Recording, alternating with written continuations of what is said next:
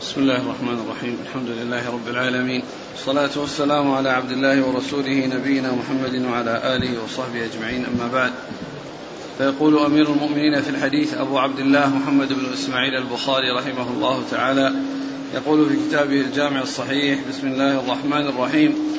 باب التيمم. قول الله تعالى فلم تجدوا ماء فتيمموا صعيدا طيبا فامسحوا بوجوهكم وأيديكم منه. قال حدثنا عبد الله بن يوسف قال أخبرنا مالك عن عبد الرحمن بن القاسم عن أبيه عن عائشة رضي الله عنها زوج النبي صلى الله عليه وعلى آله وسلم أنها قالت خرجنا مع رسول الله صلى الله عليه وسلم في بعض أسفاره حتى إذا كنا بالبيداء أو بذات الجيش انقطع عقد لي. فأقام رسول الله صلى الله عليه وسلم على التماسه وأقام الناس معه وليسوا على ماء فأتى الناس فأتى الناس إلى أبي بكر الصديق رضي الله عنه فقالوا ألا ترى ما صنعت عائشة؟ أقامت برسول الله صلى الله عليه وسلم والناس وليسوا على ماء وليس معهم ماء. فجاء أبو بكر ورسول الله صلى الله عليه وسلم واضع رأسه على فخذي قد نام. فقال حبست رسول الله صلى الله عليه وسلم والناس وليسوا على ماء وليس معهم ماء. فقالت عائشة فعاتبني أبو بكر وقال ما شاء الله أن يقول وجعل يطعنني بيده في خاصرتي فلا يمنعني من التحرك إلا مكان رسول الله صلى الله عليه وسلم على فخذي. فقام رسول الله صلى الله عليه وسلم حين أصبح على غير ماء فأنزل الله آية التيمم فتيمموا فقال فقال أسيد بن الحضير رضي الله عنه ما هي بأول بركتكم يا آل أبي بكر؟ قالت فبعثنا البعير الذي كنت عليه فأصبنا العقد تحته. بسم الله الرحمن الرحيم الحمد لله رب العالمين وصلى الله وسلم وبارك على عبده ورسوله نبينا محمد وعلى آله وأصحابه أجمعين أما بعد. لما فرغ الإمام البخاري رحمه الله من كتاب الوضوء ثم كتاب الغسل ثم كتاب الحيض والتي فيها استعمال الماء لرفع الحدث الأكبر والأصغر. أتى بعد ذلك بالذي يقوم مقام الماء وهو التيمم الذي تكون به الطهارة. حيث لا توجد الطهارة بالماء سواء كان لرفع حدث أكبر أو لرفع حدث أصغر فإنه يصار إلى هذا البدل الذي هو التيمم. والإمام البخاري رحمه الله أتى بكتب متعددة كلها تدخل تحت اسم الطهارة. وبعض المحدثين يأتي بكتاب الطهارة ويأتي بعد تحته بالوضوء والاغتسال من الاغتسال للجنابة والاغتسال للحيض والتيمم الذي يقوم مقام الماء في رفع الحدث الأكبر والأصغر. فبعض أهل العلم يأتي بكتاب الطهارة ويأتي تحته ما يتعلق بالوضوء ويتعلق بالغسل ويتعلق بالحيض ويتعلق بإزالة النجاسات ويتعلق بالتيمم. وبعض أهل العلم يفرق كما صنع البخاري رحمه الله حيث عقد عدة كتب أورد تحتها عددا كبيرا من الأبواب. والتيمم في اللغة القصد. التيمم في اللغة هو القصد. وأما في الشرع فهو القصد إلى الصعيد الطيب للتطهر به على وجه مخصوص. للتطهر به على وجه مخصوص. فهو القصد إلى الصعيد الطيب إلى التراب يتيمم به. وفي الغالب أن المعاني اللغة الشرعية تعتبر جزئيات من جزئيات المعاني اللغوية. فالمعاني اللغوية واسعة والمعاني الشرعية تعتبر جزءا من أجزائها. فالتيمم في اللغة القصد. أي قصد؟ أي قصد يقال له تيمم يطلق على كل قصد. وأما في الشرع فهو قصد مخصوص. قصد مخصوص يعني نوع من أنواع القصد العام أو جزء من جزئيات القصد العام. فالتيمم في اللغة القصد وفي الشرع قصد مخصوص.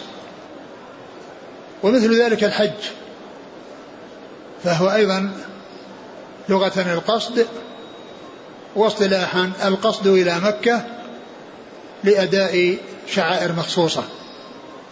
لأداء شعائر مخصوصة. وكذلك العمرة هي في اللغة الزيارة. وفي الاصطلاح زيارة البيت العتيق للطواف فيه للطواف فيه والسعي بين الصفا والمروة. والصيام لغة الإمساك أي إمساك؟ إمساك عن الأكل إمساك عن الطعام إمساك عن أي عمل من الأعمال. يقال له صيام بمعنى الإمساك. وفي الشرع إمساك مخصوص وهو الإمساك عن الأكل والشرب وسائر المفطرات من طلوع الفجر إلى غروب الشمس. ففي الغالب أن المعاني اللغوية عامة والمعاني الشرعية خاصة وتعتبر جزءا من جزئيات المعاني اللغوية. وهذا ليس مضطردا في كل لفظ يعني بحيث يكون المعنى اللغوي عاما والمعنى الشرعي خاصا وإنما هو كثير وغالب وإنما هو كثير وغالب. وإلا فإنه يأتي آه، ذكر المعنى الشرعي و يعني مع المعنى اللغوي على خلاف هذا على على خلاف هذه الحال وعلى خلاف هذا الطريقة والمنوال. مثل الصلاة فإنها في اللغة الدعاء. ومعلوم أن الدعاء جزء من جزئيات الصلاة. لأن الصلاة هي أقوال وأفعال مخصوصة تبتدأ بالتكبير وتختتم بالتسليم. هذه هذه هو التعريف الصلاة. أقوال وأفعال مخصوصة تبتدأ بالتكبير تكبيرة الإحرام وتختتم بالتسليم. كما قال صلى الله عليه وسلم تحريمها التكبير وتحليلها التسليم. تحريمها التكبير وتحريمها التسليم. فيكون الدخول فيها بالتكبير تكبيرة الإحرام والخروج منها بالسلام. وقيل لها تكبيرة الإحرام لأنه يحرم بعدها أمور كانت حلالا قبلها. يحرم بعد التكبير تكبير الإحرام.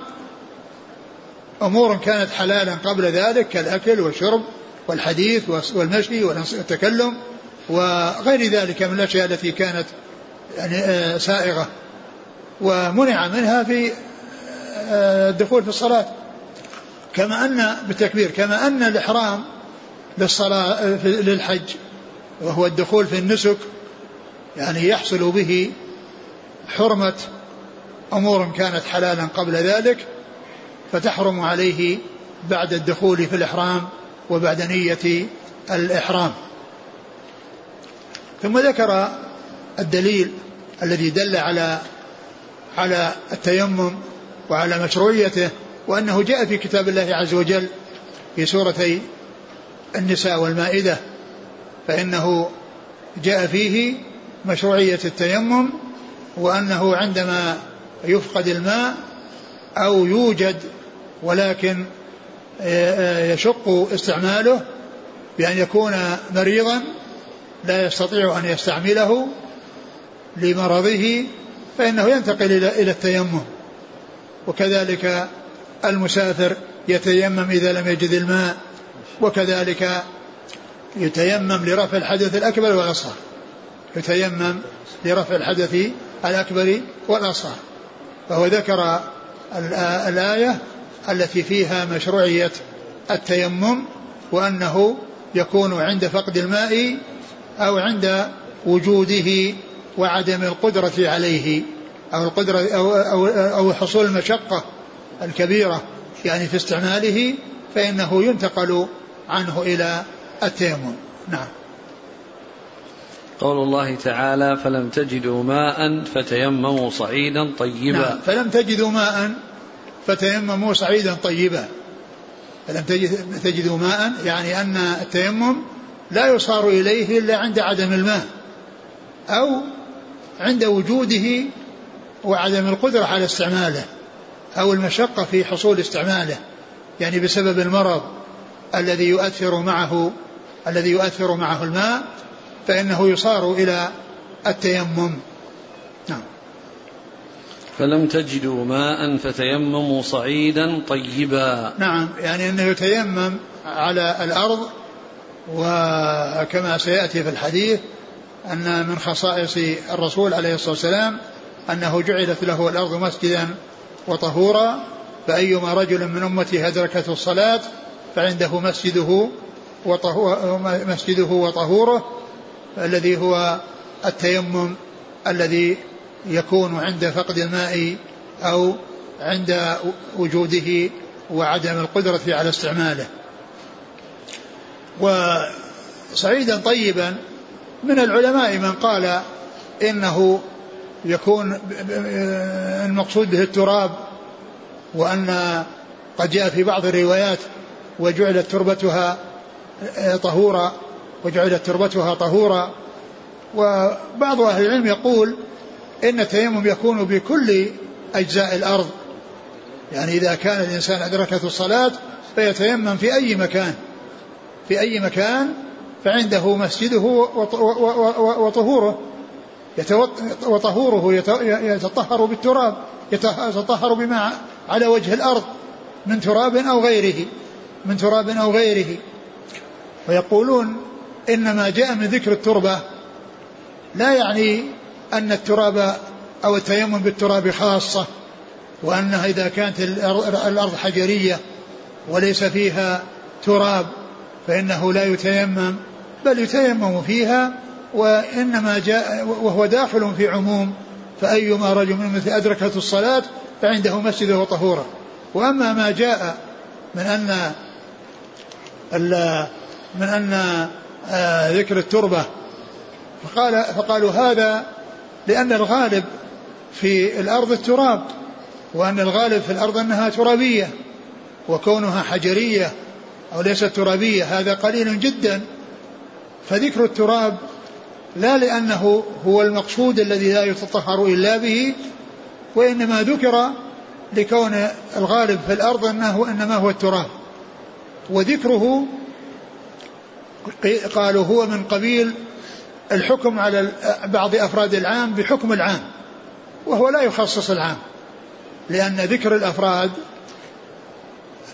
وحكم الحكم على بعض الأفراد بحكم العام لا يقصر الحكم عليه بل يكون ذلك الخاص نص عليه لأهميته أو لشيء يتميز به ولكن لا يعني قصر الحكم عليه بمعنى أنه لا يتيمم إلا بالتراب. لا يتيمم إلا بالتراب. فإذا التنصيص على التراب قالوا يدخل تحت هذه القاعدة وهي أن الحكم على بعض أفراد العام بحكم العام لا يقصر عمومه عليه. نعم. فتيمموا صعيدا طيبا فامسحوا بوجوهكم وأيديكم منه. يعني هذا هو كيفية التيمم. أنه يكون للوجه والكفين يكون الوجه والكفين كما ستأتي الأحاديث في ذلك عن رسول الله صلى الله عليه وسلم. نعم. عن عائشة رضي الله عنها قالت خرجنا مع رسول الله صلى الله عليه وسلم في بعض أسفاره. نعم. حتى إذا كنا بالبيداء أو بذات الجيش انقطع عقد لي. فأقام رسول الله صلى الله عليه وسلم على التماسه وأقام الناس معه وليسوا على ما فأتى الناس إلى أبي بكر الصديق فقالوا ألا ترى ما صنعت عائشة؟ هذا الحديث هذا الحديث يبين أصل التيمم ومشروعية التيمم وأنه كان لمشروعيته سبب وهو أن الناس كانوا في سفر مع رسول الله صلى الله عليه وسلم ولما كانوا في مكان من الأرض ليس فيه ماء وقد باتوا فيه وفقد آه، عقد لعائشة رضي الله تعالى عنها وأرضاها فأمرهم النبي صلى الله عليه وسلم في البقاء والبحث عنه والبحث عن هذا العقد فبحثوا عنه ولم يجدوه وأدركهم الفجر وليس معهم ماء وليسوا على ماء فأنزل الله آية التيمم. فأنزل الله مشروعية التيمم وأن هذه الأمة إذا فقدت الماء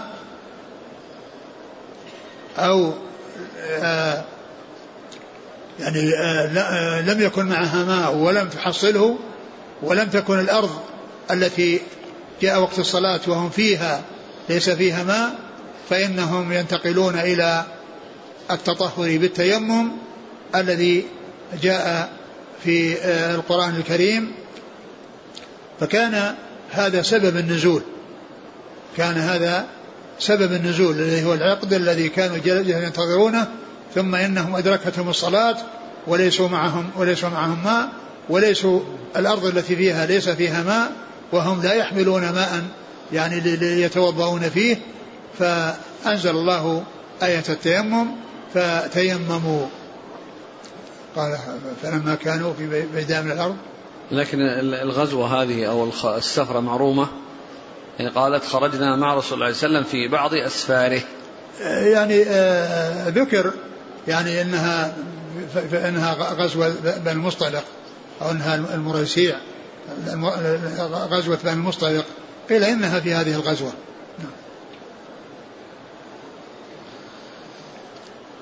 قالت فجاء فأتى الناس إلى أبي بكر الصديق فقالوا ألا ترى ما صنعت عائشة؟ أقامت برسول الله صلى الله عليه وسلم والناس وليسوا على ماء وليس معهم ماء. ليسوا على ماء الأرض ليس فيها ماء وليس معهم ماء يحملونه. فإذا الماء غير موجود لا بحمله ولا بالأرض التي هم فيه بحيث يكون فيها آبار ويكون فيها شيء. يعني يستخرج منه الماء لا هذا ولا هذا. وبقي الناس في هذا المكان وهم يبحثون عن العقد وهم يبحثون عن عقد عائشة رضي الله عنها. نعم. وكان الناس جاءوا إلى أبو بكر وقد تألموا من هذا الجلوس بسبب هذا العقد فشكوا إليه ما حصل بسبب هذا العقد لعائشة رضي الله عنها. فجاء إليها وجعل يعاتبها ويلومها وأنها حبست الناس وليس معهم ماء وليسوا على ماء وكان النبي صلى الله عليه وسلم نائما على فخذها و ولم آه، وكان يغمزها يعني مع خاصرتها ولا تتحرك لمكان النبي صلى الله عليه وسلم منها حيث كان نائما على فخذها رضي الله تعالى عنها وأرضاها. نعم. فجاء أبو بكر ورسول الله صلى الله عليه وسلم واضع رأسه على فخذه قد نام. نعم.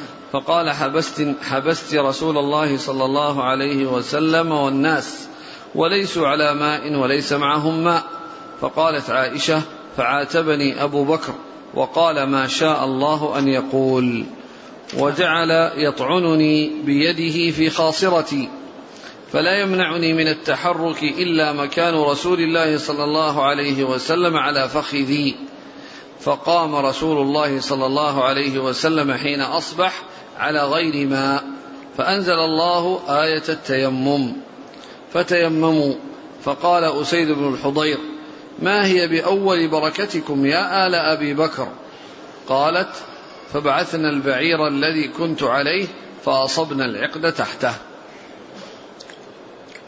آه لما أصبحوا وليسوا وليسوا على ماء وليس معهم ماء وجاء وقت صلاة الفجر أنزل الله آية التيمم فتيمموا وصلوا وصلوا بالتيمم. وقال أسيد بن حضير لما حصل هذا مشروعية التيمم بسبب هذا الانتظار بسبب عائشة رضي الله عنها قال ما هذه بأول بركتكم يا آل أبي بكر؟ ما هذه بأول بركتكم يا آل أبي بكر؟ يعني كونهم كانوا سببا بحصول هذا يعني هذا هذا التشريع الذي هو التيمم بدل الماء عند فقده وهو مما اختصت به هذه الأمة عن الأمم السابقة كما سيأتي في حديث جابر بن عبد الله رضي الله تعالى عنهما. فلما لم لما لم يجدوا العقد وفرض عليهم وشرع وفرض لهم عليهم التيمم وتيمموا وصلوا ثم إنهم ارتحلوا ولما أثاروا البعير الذي تركب عليه عائشة وإذا العقد تحته وإذا العقد تحت هذا البعير الذي كانت تركب عليه عائشة. وهذا الذي جاء في هذا الحديث يدل على أن النبي صلى الله عليه وسلم لا يعلم الغيب والغيب لا يعلمه على الإطلاق إلا الله سبحانه وتعالى.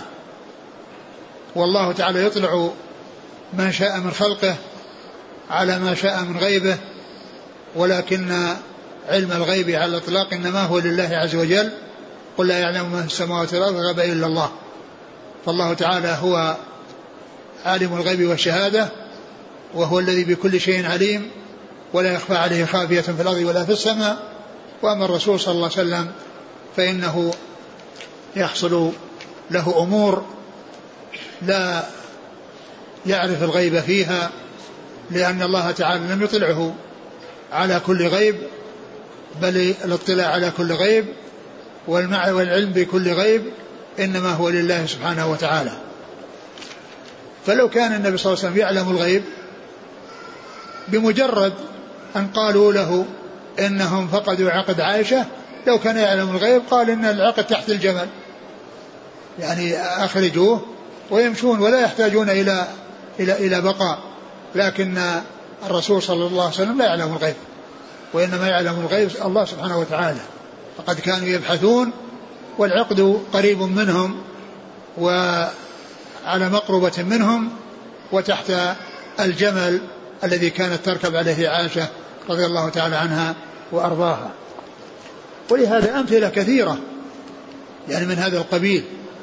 ومن ذلك ما حصل لعائشة رضي الله عنها من الإفك وفي قصة الإفك التي برأها الله منها بآيات تتلى في سورة النور فإن الرسول صلى الله عليه وسلم تألم وتأثر وأصابه يعني آه، آه، حزن شديد وغم شديد بالذي أضيف إلى زوجته أم المؤمنين رضي الله عنها وأرضاها. وكان لا يعلم الحقيقة ولهذا قال لها يا عائشة إن كنت ألممت بذنب فتوبي إلى الله واستغفري. فتوبي إلى الله واستغفري. فلو كان يعلم الغيب بمجرد أن جاء إليه الناس الذين يقولون إنه حصل كذا وكذا قال أنا أعلم أعلم الغيب وأنها لم يحصل كذا وكذا. الرسول صلى الله عليه وسلم ما قال هذا وإنما تألم وتاثر حتى نزل القرآن في براءتها. نزل القرآن ببراءتها. فأظهر الله براءتها بآيات تتلى والنبي صلى الله عليه وسلم ما كان يعلم الحقيقة ولا يعلم الواقع وإنما علم ذلك وعلم براءتها بالوحي الذي أوحاه الله إليه في هذه الآيات التي تتلى في سورة النور. ولهذا جاء عن عائشة رضي الله عنها وأرضاها لتواضعها وعدم آه، لتواضعها أنها لما أنزل الله براءتها في آيات تتلى من كتاب الله كانت تهون من نفسها وتقول كنت أتمنى أن يرى النبي صلى الله عليه وسلم رؤيا يبرئني الله يبرئني الله بها. يعني ينزل عليه وحيه في المنام. لأن الأنبياء أو رؤيا الأنبياء وحي فكانت تتمنى أن يحصل للنبي صلى الله عليه وسلم رؤيا يبرئها الله عز وجل بهذه الرؤيا. قالت ولشأني في نفسي أهون من أن ينزل الله في آيات تتلى. ولشأني في نفسي أهون من أن ينزل الله في آيات تتلى. وما أستحق أن ينزل في قرآن. وكانت تتمنى أن يرى النبي صلى الله عليه وسلم رؤيا في منامه ورؤيا الأنبياء وحي يبرئها الله عز وجل بهذه الرؤيا ولكن الله تعالى شاء أن تكون براءتها بآيات تتلى من سورة النور وهذا دال على فضلها وعلى نبلها وأن الله عز وجل خلد ذكرها بهذه الآيات التي فيها براءتها مما أضيف إليها رضي الله تعالى عنها وأرضاها. نعم. فأنزل الله آية التيمم. نعم. أي الآيتين؟ قيل إنها جاء في بعض الروايات يا أيها الذين آمنوا. يعني جاء في بعض الروايات أنزل الله يا أيها الذين آمنوا إذا قمتم إلى الصلاة التي هي آية المائدة. نعم. فقال أسيد بن الحضير ما هي بأول بركتكم يا آل أبي بكر؟ قالت آل أبي بكر هم يعني هو وأهله وأولاده هؤلاء هم أهله. نعم.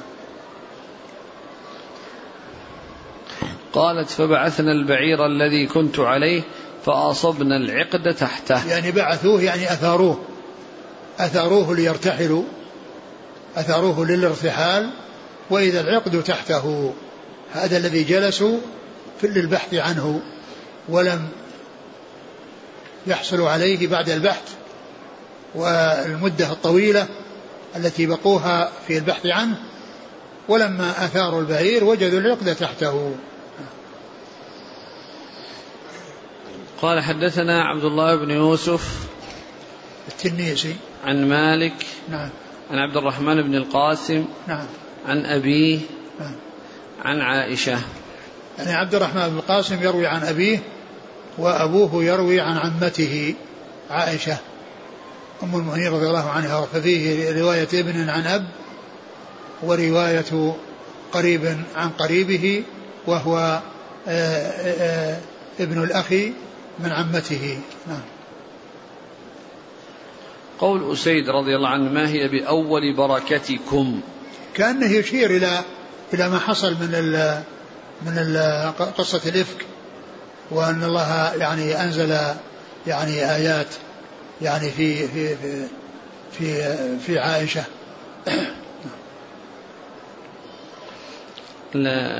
ذكر قضية البركة. الآن الناس يعني مثلا من جاءهم إذا جاءهم رجل يلتمسون صلاحه قالوا جاءتنا البركة. دخلت علينا البركة. يعني لو دعوا دعوا أن, أن, أن يحصل البركة وأن الله يعني يأتي لهم بالبركة وأن يكون في المجيء بركة. إذا كان دعاء فهذا هو الذي ينبغي. طيب الحكم على بعض الأشياء أن هذه من بركاتك يا شيخ. والله يعني العبارات التي فيها دعاء هي هي المناسبة. وأما يعني آه، آه، ذكر يعني البركة وأن واستعمالها بتوسع قد تستعمل في غير محلها. وأما هنا لا شك أنها في بركة وهي في محلها الذي جاء فيها الحديث. فهو بيت مبارك وكله بركة. وأبو, وأبو بكر رضي الله عنه أكرمه الله عز وجل بأن حصل الإسلام لأصله وفرعه ف يعني فأبوه مسلم وأولاده مسلمون رضي الله تعالى عن الجميع. قال حدثنا محمد بن سنان قال حدثنا هشيم حا قال وحدثني سعيد بن النضر. قال أخبرنا هشيم قال أخبرنا سيار قال حدثنا يزيد. هو ابن صهيب الفقير. قال أخبرنا جابر بن عبد الله رضي الله عنهما أن النبي صلى الله عليه وعلى آله وسلم قال أعطيت خمسا لم يعطهن أحد قبلي. نصرت بالرعب مسيرة شهر وجعلت لي الأرض مسجدا وطهورا. فأيما رجل من أمتي أدركته الصلاة فليصلي وأحلت لي الغنائم ولم تحل لأحد قبلي. وأعطيت الشفاعة. وكان النبي صلى الله وكان النبي يبعث إلى قومه خاصة وبعثت إلى الناس عامة ثم ذكر حديث جابر بن عبد الله رضي الله تعالى عنهما أن النبي صلى الله عليه وسلم قال أعطيت خمسا لم يعطهن أحد من الأنبياء قبلي. نصرت بالرعب مسيرة شهر. نصرت بالرعب مسيرة شهر. و وجعلت لي الأرض. وجعل وجعلت لي الأرض مسجدا وجعلت لي الأرض مسجدا وطهورا. فأيما رجل؟ من أمتي أدركته الصلاة. وجعلت لي الأرض مسجدا وطهورا. فأيما رجل من أمتي أدركته الصلاة فليصلي. في بعض الروايات فعنده مسجده وطهوره فعنده مسجده وطهوره فقوله صلى الله عليه وسلم أعطيت خمسا لم يعطهن أحد من الأنبياء قبلي هذه الخمس التي جاءت في هذا الحديث لم يكن تكن خصائصه مقصورة عليها بل له أكثر من ذلك وله خصائص أخرى. وقد ذكر ابن حجر في شرح أحاديث فيها ذكر خصائص زائدة على هذه الخمس أوصلها إلى سبع عشرة خصيصة وقال أنه يمكن بالتتبع الحصول على شيء أكثر من ذلك.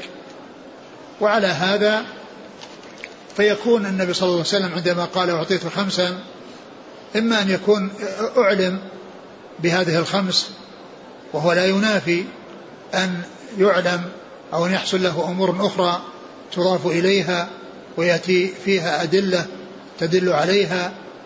فيكون ذكر الخمس أنه كانت أولا ثم حصل الزيادة على ذلك. و قيل إن العدد لا مفهوم له. لأن أعطيت خمسا فإن العدد لا مفهوم له. لا يعني ذلك أن أن الخمس هي هي كل شيء. فلا فلا مفهوم للعدد. وقال لم يعطهن أحد من الأنبياء قبلي. أحد من الأنبياء قبلي. يعني أنه اختص بها عليه الصلاة والسلام. اختص بها عليه الصلاة والسلام. وهي من خصائصه صلى الله عليه وسلم ولكن بعضها له ولأمته عليه الصلاة والسلام مثل ما جاء في الخصلة التي نحن فيها والتي هي محل الشاهد من الحديث فجعلت الأرض مسجدا وطهورا فأيما رجل من أمته أدركه الصلاة فليصلي وفي بعض الروايات فعنده مسجده وطهورا فإن هذا له ولأمته صلى الله عليه وسلم فإن هذا له ولأمته عليه الصلاة والسلام وكذلك الغنائم أحلت له ولأمته عليه الصلاة والسلام. قال نصرت. أعطيت خمسا لم يعطهن أحد من أنبياء نصرت بالرعب مسيرة شهر. يعني معناها أن الله عز وجل يقذف الربع الرعب في قلوب أعدائه من هذه المسافة الطويلة. يخافونه وبينهم وبينه مسيرة, مسيرة شهر. يخافونه صلى الله عليه وسلم وذلك بإلقاء الرعب في قلوبهم ومن المعلوم أن أن الأمر بيد الله والنصر بيد الله والله عز وجل ينصر بالقوة وبالسلاح وبالرجال وينصر بالرعب بأن يقذف في قلوب الأعداء الرعب فيحصل لهم الانهيار والضعف ويعني ينهزمون في نفوسهم قبل أن ينهزموا في أجسامهم لما قذف الله فيها من الرعب. فكان عليه الصلاة والسلام أعطي هذه الخصيصة التي هو أنه يخافه الناس ويخافه الكفار وبينهم وبينه هذه المسافة الطويلة. وهذه لا شك أنها من خصائصه. لكن هل تحصل لأمته أو لا تحصل؟ ليس هناك شيء يعني يدل على ذلك في حق الأمة ولكن الحديث نص وواضح في خصوصيته صلى الله عليه وسلم يعني بذلك وأن الله تعالى ميزه على الأنبياء السابقين بحصول هذه الخصيصة له صلوات الله وسلامه وبركاته عليه. نصرت بالرعب مسيرة شهر وجعلت لي الأرض مسجدا وطهورا فأيما رجل من أمتي أدركته الصلاة فليصلي. جعلت لي الأرض يعني له ولأمته مسجدا وطهورا يعني مسجدا يصلي فيه وطهورا يعني يتطهر به الذي هو التيمم بدل الماء. الذي هو التيمم بدل الماء عند فقده أو عدم القدرة على استعماله. والمراد بالمسجد هنا مكان السجود الذي هو أعم من المساجد الخاصة التي تبنى لذكر الله عز وجل. فإن المسجد أو المساجد تطلق إطلاقين. أو المسجد يطلق إطلاقين. أحدهما مكان السجود والمكان الذي يصلي فيه الإنسان وهذا عام في جميع الأرض ولا يستثنى من ذلك إلا ما دل عليه الدليل من كون فيه يعني نجاسة ما يكون فيه أرض متنجسة فإن فإنه لا يصلى فيها للنجاسة الطارئة عليها وإلا فإن الأصل فيها الطهارة. فيراد بالمسجد مكان السجود وهذا عام في جميع الأرض إلا ما استثني مثل المقبرة وغيرها. ف ويطلق على المساجد التي تبنى التي تبنى للصلاة ولذكر الله عز وجل والتي هي خير البقاع في البلاد كما جاء في صحيح مسلم عن النبي صلى الله عليه وسلم أنه قال أحب البلاد إلى الله مساجدها وأبغض البلاد إلى الله أسواقها. والحديث في صحيح مسلم فهذه أفضل البقاع في البلاد لأنها محل ذكر الله. ومحل حضور الملائكة بخلاف الأسواق محل الصخب واللغط والكلام الساقط والتي تحضرها الشياطين التي تحضرها الشياطين. فهذه أحب البقاع إلى الله وهذه أبغض البقاع إلى الله يعني في البلاد. وقيل للمساجد مساجد لأن الأرض يتمكن فيها في حال الصلاة في حال السجود. التمكن في الأرض في حال الصلاة إنما هو في حال سجود الإنسان. لأن لأنه يستغل من الأرض أكثر مما يستغله في الحالات الأخرى. وحالات المصلي أربع حالات لا خامس لها. المصلي أحواله أربع. فهو إما قائم قبل الركوع وبعده. وليس على الأرض منه إلا رجلان في حال قيامه. والركوع وليس على الأرض منه إلا رجلان في حال ركوعه. ما استغل شيء من الأرض إلا في محل القدمين. وفي, وفي السجود وفي الجلوس بين السجدتين وفي التشهدين أو التشهد الأول والثاني. هذه حال الجلوس.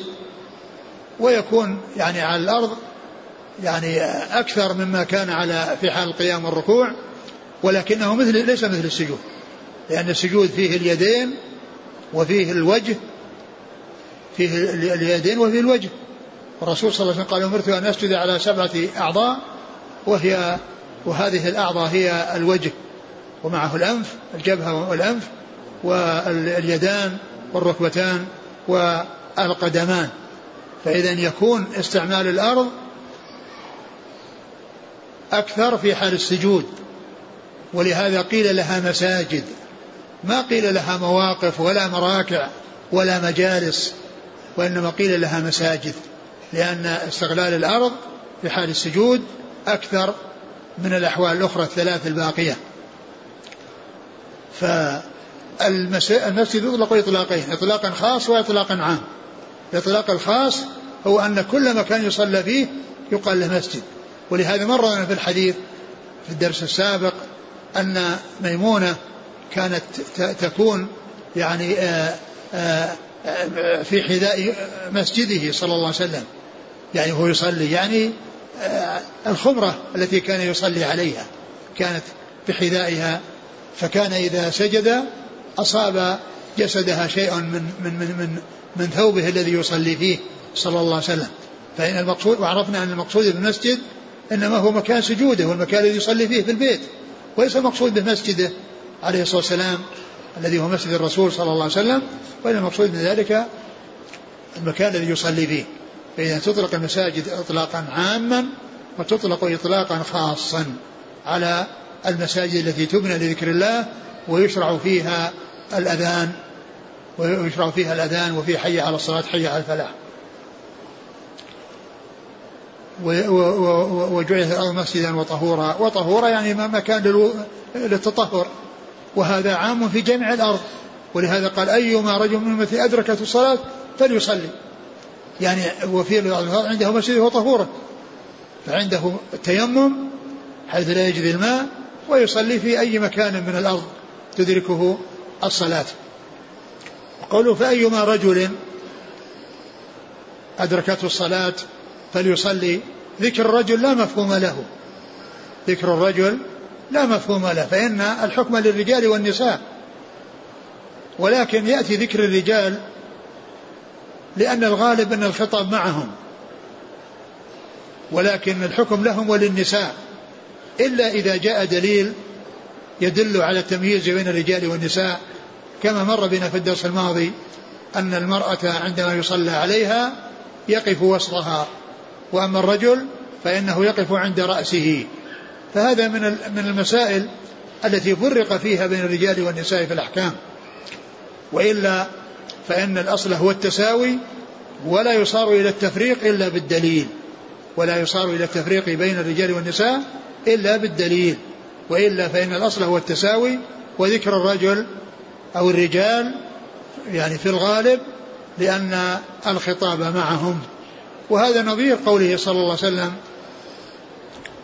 لا تتقدموا رمضان بيوم أو يومين إلا رجل كان يصوم صوما فليصمه يعني إلا رجل يعني وكذلك امرأة التي معتادة أنها تصوم يوم الاثنين أو الخميس ووافق يعني يوم ثلاثين من شعبان فللرجل وللمرأة. وذكر الرجل لا مفهوم له بمعنى أن هذا حكم يخصه والمرأة ليست كذلك. وكذلك الحديث الذي يقول فيه النبي صلى الله عليه وسلم من وجد متاعه عند رجل قد أفلس فهو أحق به من الغرماء. من وجد متاعه عند رجل قد أفلس. وكذلك المرأة. يعني لو يعني إذا كان باع سلعة على امرأة و وأفلس يعني ال يعني ال يعني المرأة يعني أفلست والذي باعها هي موجودة السلعة فهي فالمرأة حق بها بالغرماء المرأة إذا يعني وكذلك الرجل من وجد متاعه عند رجل قد أفلس أو عند امرأة قد أفلست فهو حق به من الغرماء يعني حيث تكون العين موجودة. الحاصل أن ذكر الرجل هنا لا, لا مفهوم له وهذا نظير يعني مسائل يعني كثيرة. وأحاديث كثيرة يأتي فيها ذكر الرجال. لا ليس المقصود أنه يخصهم ولكنه له لهم ولغيرهم. و فأيما رجل من ذلك الصلاة فليصلي. وأحلت لي المغانم. وأحلت لي المغانم. الغنائم التي يحصلها الناس في الجهاد في سبيل الله. جعلها الله عز وجل حلالا لهذه الأمة. وقبل هذه الأمة كانت تأتي يجمعونها وتأتي نار من السماء فتحرقها. والله عز وجل أحل لهذه الأمة الغنائم وأحلها لرسول الله صلى الله عليه وسلم ولأمته. ولهذا جاء في الحديث عن النبي صلى الله عليه وسلم أنه قال جعل رزقي تحت ظل رمحي وجعل الذلة والصغار على من خالف أمري ومن تشبه بقوم فهو منهم. وقوله صلى الله عليه وسلم جعل رزقي تحت ظل رمحي يعني إنه من الجهاد في سبيل الله. من الجهاد أن رزقه كان في الجهاد في سبيل الله من الفيء ومن الخمس الذي يكون من الغنيمة. وأحلت لي المغانم أو الغنائم ولم تحل لأحد قبلي. نعم. و وأعطيت الشفاعة. وأعطيت الشفاعة.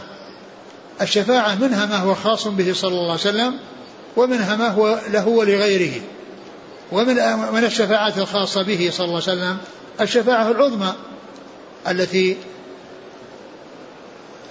فيها الفصل بين الناس في الموقف حيث يموج بعضهم في بعض ويبحثون عن من يشفع لهم إلى ربهم فيأتون إلى آدم ويعتذر ثم إلى نوح ويعتذر ثم إلى إبراهيم ويعتذر ثم إلى موسى ويعتذر ثم إلى عيسى ويعتذر ثم يأتون إلى رسول الله صلى الله عليه وسلم فيقول أنا لها ثم يتقدم ويسجد لله عز وجل ويحمده بمحامد فيقال له ارفع رأسك وسل تعطى واشفع تشفع فيشفعه الله عز وجل في الناس ويأتي لفصل القضاء بينهم ويريحهم بشفاعته من, في من ذلك الموقف العظيم.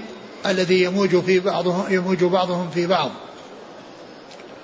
ولهذا قيل لهذه الشفاعة المقام المحمود المقام المحمود لأنه يحمده عليه الأولون والآخرون. ولهذا النبي صلى الله عليه وسلم قال في أول الحديث أنا سيد الناس يوم القيامة. أنا سيد الناس يوم القيامة. ثم ذكر الشفاعة العظمى. قال أنا سيد الناس يوم القيامة لأن يوم القيامة هو الذي يظهر في على الأولين والآخرين. كلهم يستفيدون من شفاعته. من لدن آدم إلى الذين قامت عليهم الساعة. كلهم استفادوا من هذه الشفاعة. فكان ولهذا قال عليه الصلاة والسلام في أول الحديث أنا سيد الناس يوم القيامة.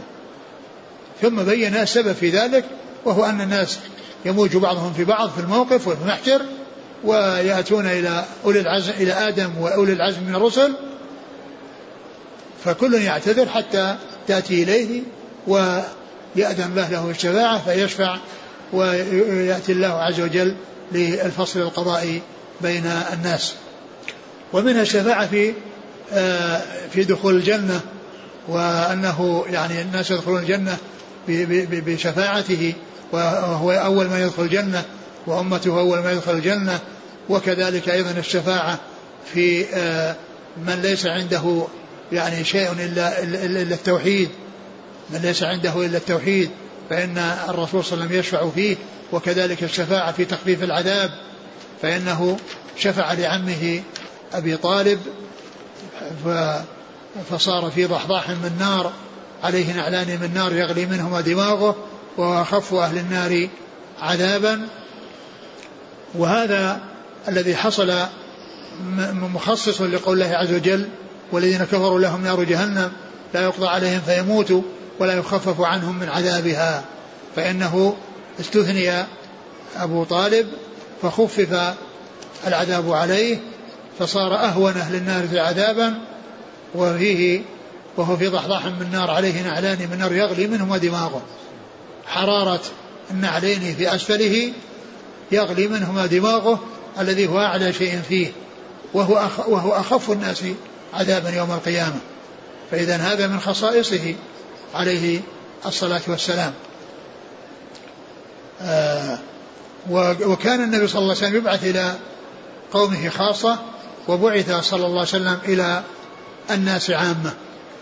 فكان كل رسول يبعث إلى قومه خاصة وهو عليه الصلاة والسلام بعث إلى الناس عامة.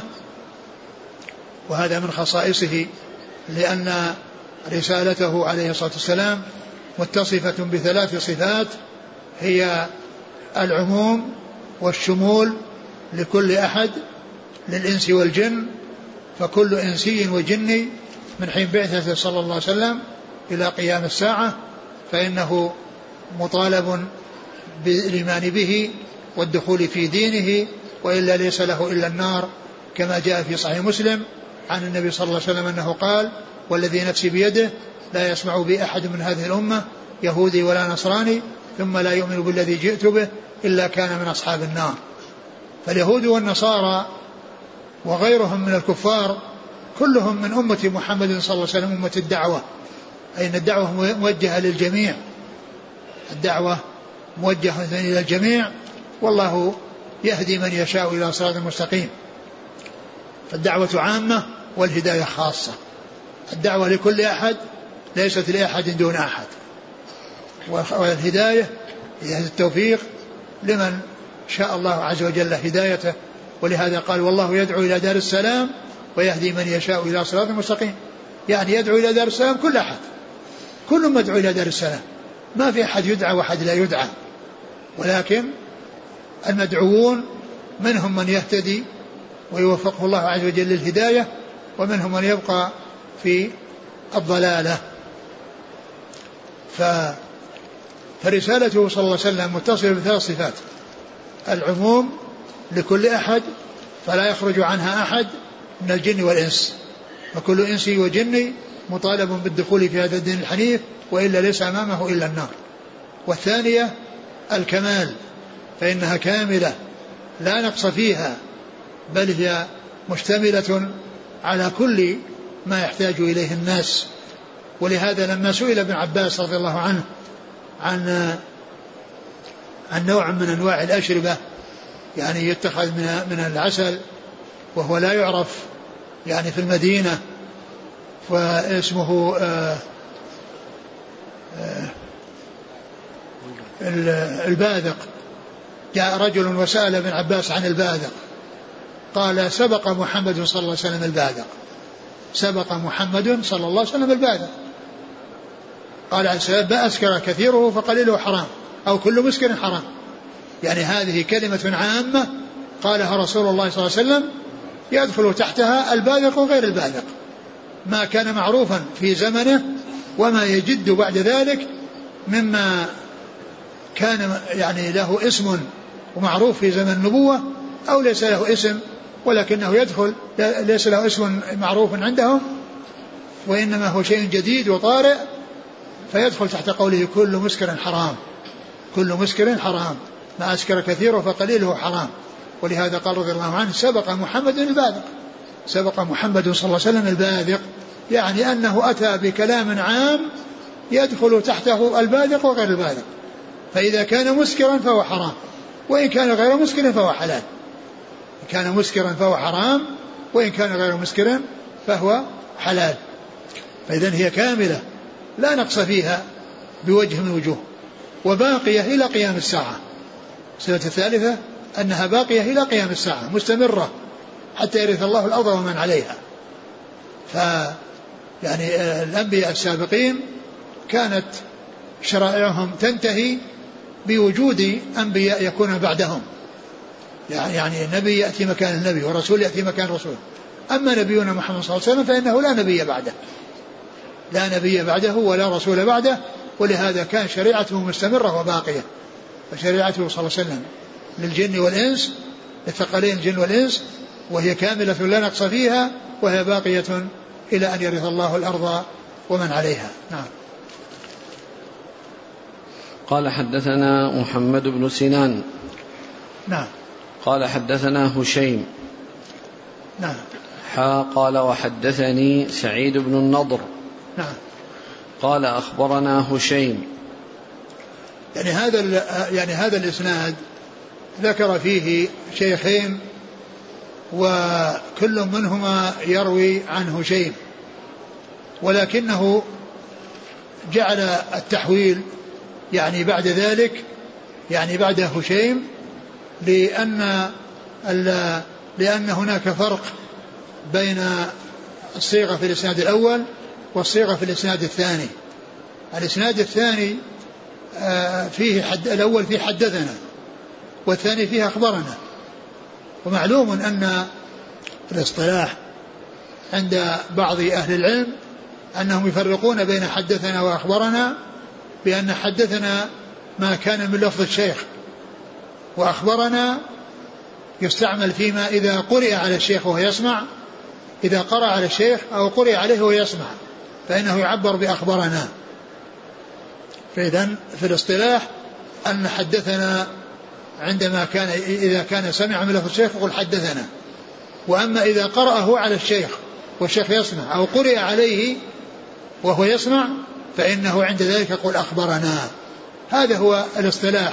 الذي جرى عليه بعض العلم ومنهم من لا يفرق بين حدثنا وأخبرنا يستعمل حدثنا في آه، المسموع وفي المقروء على الشيخ وكذلك يستعمل أخبرنا ولكن بعض أهل العلم يفرق بينهما. وأيضا الإسناد الأول قال فيه حدثنا والإسناد الثاني قال حدثني. يعني بمعنى أن البخاري أن أن أن أن البخاري يعني قال عن محمد بن سنان حدثنا ومعنى ذلك أنه آه، كان مع البخاري غيره يعني ممن يحدث وممن يسمع الحديث. وأما في الثاني قال حدثني لأنه سمع منه وحده لأنه ليس معه أحد وهو يحدثه فقال حدثني. فإذا في الأول في الإسناد الأول قال حدثنا وفي الإسناد الثاني قال حدثني. وفي الإسناد الأول قال محمد بن سنان أخبرنا حدثنا وقال عن سعيد سعيد بن محمد بن سنان يروي عنه.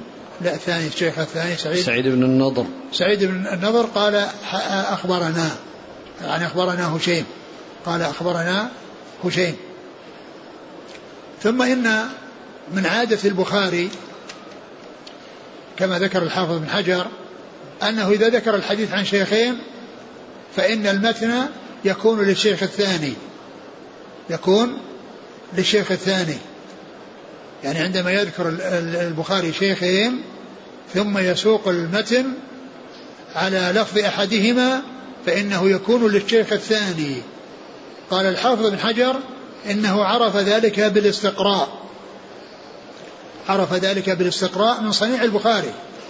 لأن البخاري رحمه الله أورد طريق محمد بن سنان في مكان آخر بلفظ مغاير لهذا اللفظ الذي موجود هنا. قال يعني فهذا مما يبين أن هذا اللفظ لفظ سعيد بن النضر وليس لفظ محمد بن سنان. لأن محمد بن سنان أتى بالحديث بموضع آخر أتى بالحديث بموضع آخر عن محمد بن سنان عن هشيم إلى آخره ثم المتن فيه مغايرة. المتن فيه مغايرة لأن في بعضها قال الغنائم في عندنا الغنائم ولا المغانم؟ التي هي المغانم ولا الغنائم ها؟ المغانم. المغانم عنده هشيم الغنايم عند محمد بن سنان. لكن و... في بعض النسخ أشار لها في الحاشية الغنائم. أي نعم هنا يعني؟ إيه؟ نعم لكن هناك يعني في عندما ساق لفظ محمد بن سنان أتى به بلفظ آخر اللي هو الغنائم. وكذلك أيضا آه، أخرت الشفاعة. وهنا قدمت الشفاعة. هناك الشفاعة جاءت في الآخر وهنا جعل كون رسول إلى الناس كافة وغيره يعني إلى إلى قومه خاصة. جعلها في الأول. يعني فيه بعض الألفاظ يعني عند المقارنة بين هذا اللفظ وبين ما هناك. وهذا مثل ما قال الحافظ بن حجر عرف بالاستقراء من صنيعه أنه يكون للشيخ الثاني لأن الشيخ الأول يعني يذكره البخاري في مكان آخر المتن فيكون اللفظ فيه مغايرة عن اللفظ المذكور في الباب الذي ذكر فيه الطريقين مع التحويل. نعم. قال حدثنا محمد بن سنان قال حدثنا هشيم حا قال وحدثني سعيد بن النضر قال أخبرنا هشيم قال أخبرنا سيار. سيار أبو الحكم العنزي وهشيم بن بشير الواسطي. عن يزيد هو ابن صهيب الفقير. يزيد هو ابن صهيب الفقير. سيار في روايته عن يزيد بن صهيب ما زاد على قوله حدثنا يزيد واخبرنا يزيد. لكن من وراء يعني من دون التلميذ الذي دون سيار اما هشيم أو يعني أو محمد بن سعيد بن النضر وكذلك يعني سعيد بن النضر أو البخاري الذين دون سيار هو الذي أتى بالزيادة وقوله هو ابن صهيب الفقير. هو ابن صهيب الفقير. لأن هذا يدل على دقة المحدثين وأنهم إذا كان التلميذ اقتصر على اسم شيخه ولم يزد على ذلك آه، توضيحه بنسب بشيء من نسبه فإنهم يأتون بما يوضح ذلك الرجل فينسبونه ولكن يأتون بكلمة هو حتى يعرف بأن هذه الزيادة ممن دون التلميذ لأن التلميذ لا يحتاج إلى أن يقال هو وإنما يقول ينسب شيخه كما يريد يطول في نسبه ويختصر في نسبه لكن من دونه إذا كان يحتاج إلى زيادة إيضاح في النسب يأتي بما يوضح ولكن يأتي بكلمة هو أو يعني يعني فلانا يعني كذا أو هو كذا ما قال هنا هو ابن صهيب الفقير. والفقير يعني آآ آه، آآ آه، هذا لقب والمتبادر إلى الذهن من ذكر الفقير أنه الذي ليس عنده مال أنه ضد الغني. هذا هو المتبادر إلى الذهن في هذا اللقب. لكن الواقع أن النسبة إلى غير الفقر. وقيل إنه كان يشكو فقار ظهره. يشكو فقر ظهره فقيل له الفقير. فهي نسبة إلى غير ما يسبق إلى الذهن.